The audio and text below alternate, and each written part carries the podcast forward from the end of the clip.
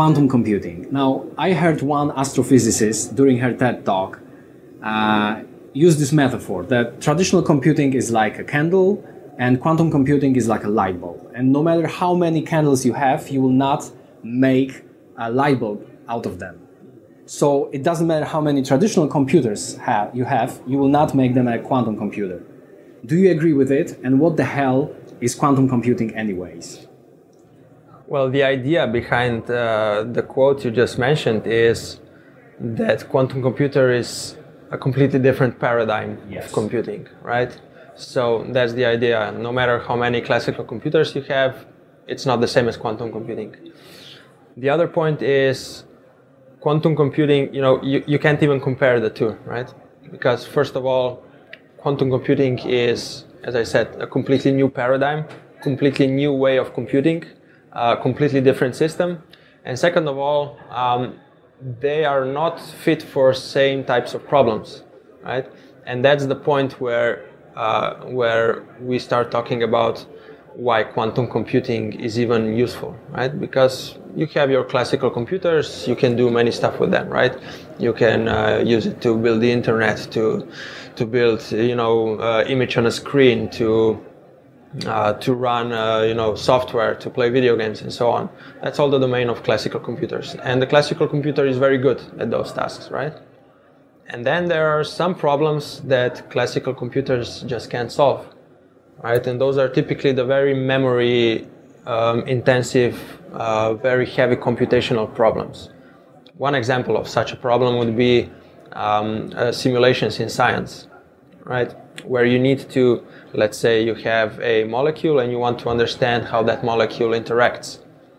Um, and typically, people build large supercomputers and use all that capacity to run these kinds of simulations, and we can't get very far. The most we can do is a molecule with a few atoms, right? And and you know ahead of that, you have no way of running it on a classical computer simply because the computation is too difficult, right? And quantum computers, they promise a huge improvement in some of these algorithms. Now, when you ask what a quantum computer is, it is basically a device that uses a quantum mechanical system that is in it and performs uh, some specific calculation tasks in a very very faster um, and very much faster than a classical computer. Could you give some more examples of uh, quantum computer or quantum computing applic applications and how it could transform uh, certain industries? Because I don't really think of my private life. It's not like I'm going to use quantum computer. It's not like I'm going to ever own one, but it's not like I'm going to use it for gaming, right? No, no, you're not. So for example, you know, let's say fertilizer. Okay. 2% of world's energy today is used to produce fertilizer. 2% of the entire energy in the world. On the other hand, you have bacteria that do it all the time and they do it for free. Right?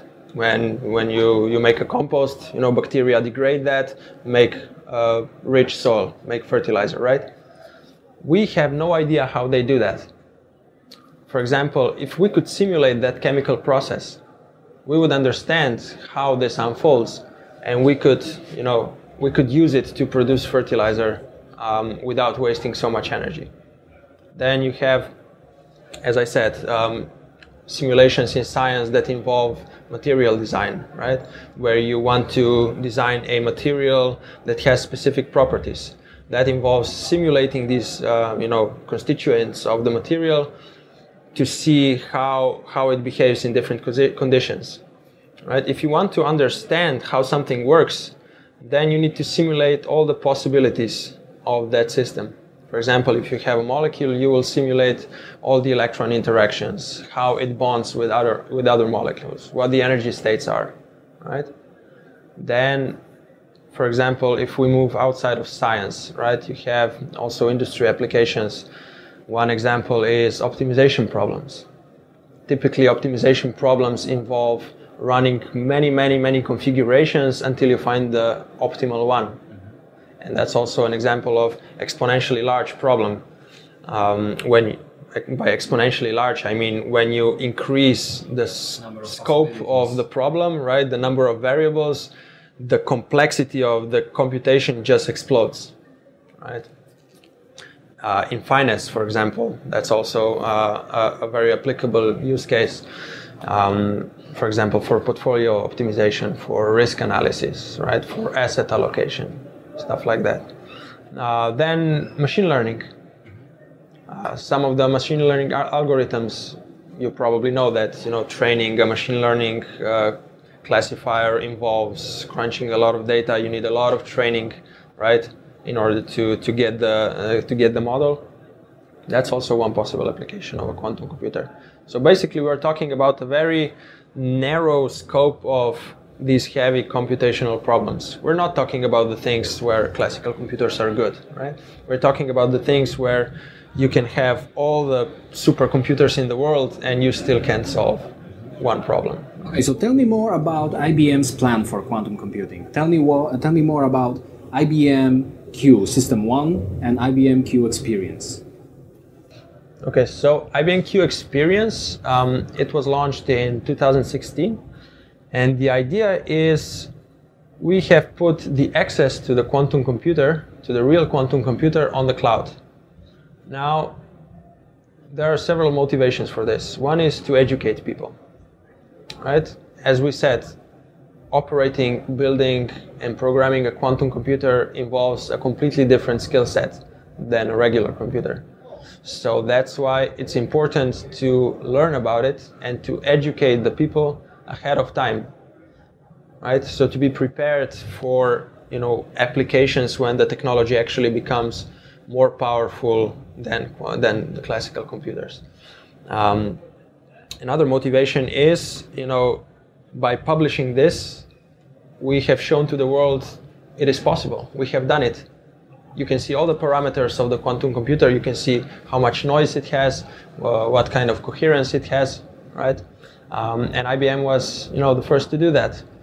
Um, to to prove that this is actually operating uh, system. So I could use it.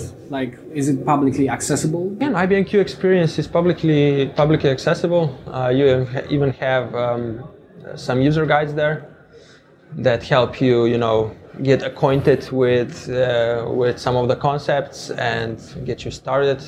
You can build some simple programming, some simple algorithms there, right? Mm. If you Google IBM Q, uh, you'll get to the IBM research page where you have all that. So, so yeah.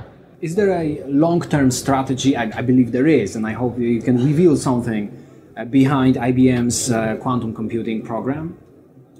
Yeah, for example, what, what I do, um, I'm a IBM Q ambassador, right? And IBM Q ambassador uh, is a role that was established worldwide and we are working on the side of the ecosystem, right? So one thing is research and development of the technology, right? The other thing is preparing the ecosystem, you know, talking to businesses, talking to academic institutions, right? So, so that's our mission uh, right now, right? Um, IBM launched uh, this thing called IBM Q Network, and the mission of IBM Q Network is first to educate people, right? Second, to accelerate research, right, by partnering with academic institutions that are also involved in, in the same domain. And third is to start thinking about commercial applications. So we also partner with, um, with industry uh, leaders that want to explore the possibilities and use cases of applying quantum computers in their respective industries. And as a physicist, do you have any dream or big idea of how to use quantum computing in future? Uh, something that no one's ever thought of. Maybe something with social impact, um, but not necessarily. I mean, I like the I like very much the social impact. Um, for me personally, you know, I want to strive to do business that actually has a positive impact on the, you know, society and nature, and not just making money, right? So there are a lot of cases where quantum compu- computing could help. You know, the optimization uh, area, for example, is definitely one of them. Um, you know, by, by optimizing use of resources and so on. Uh, the example I gave at the beginning, right, where two percent of world's energy is being used, right? We could we could impact, you know, how we use our resources, how we use uh, energy, how we allocate um, uh, resources, right? So all of those are, are interesting use cases. Also, the advancement in science, right, by designing uh, better materials, by by you know um, designing better, you know, maybe medications by or stuff even we we don't even know yet. Maybe you know by understanding things, you open up the doors to to new uses, right? Um, so I believe that a lot of things will pop up as we develop the technology and as we um, you know start exploring the possibilities. So let's settle this once and for all. I will most likely never own a quantum computer. I mean, if you become very rich. okay, that's that's a goal. yeah, um, but uh, definitely, yeah, um, that's not the best case for a quantum computer, if you can say that. So you will you will very likely never have a quantum computer in your pocket or in your home but you don't even have to, right? Once I have it, have... the main question that I will have will be, what do I do with it? yeah, you would be very cold probably because the system needs near zero Kelvin temperature to operate, right? So your leg would freeze probably if you had it in your pocket. But you know, we have the internet today, so even for accessing you know storage and computing power you know you probably use you probably use you know google photos or uh, dropbox or whatever. You know that's all the same concept. You you don't have the things on your phone or on, on your computer. You use a data center somewhere else right? So we do it today. And it will be the same story with quantum so computers. IBM will, will share it with me. Sorry? IBM will share it with me in future. In a way. Um, maybe. Okay. Yeah, so the idea is that there will be quantum computing centers, right? And through the cloud, through internet, you can connect to them and post these, you know, computing challenges to the quantum computer. So there's really no need to have it in your home, sure. really.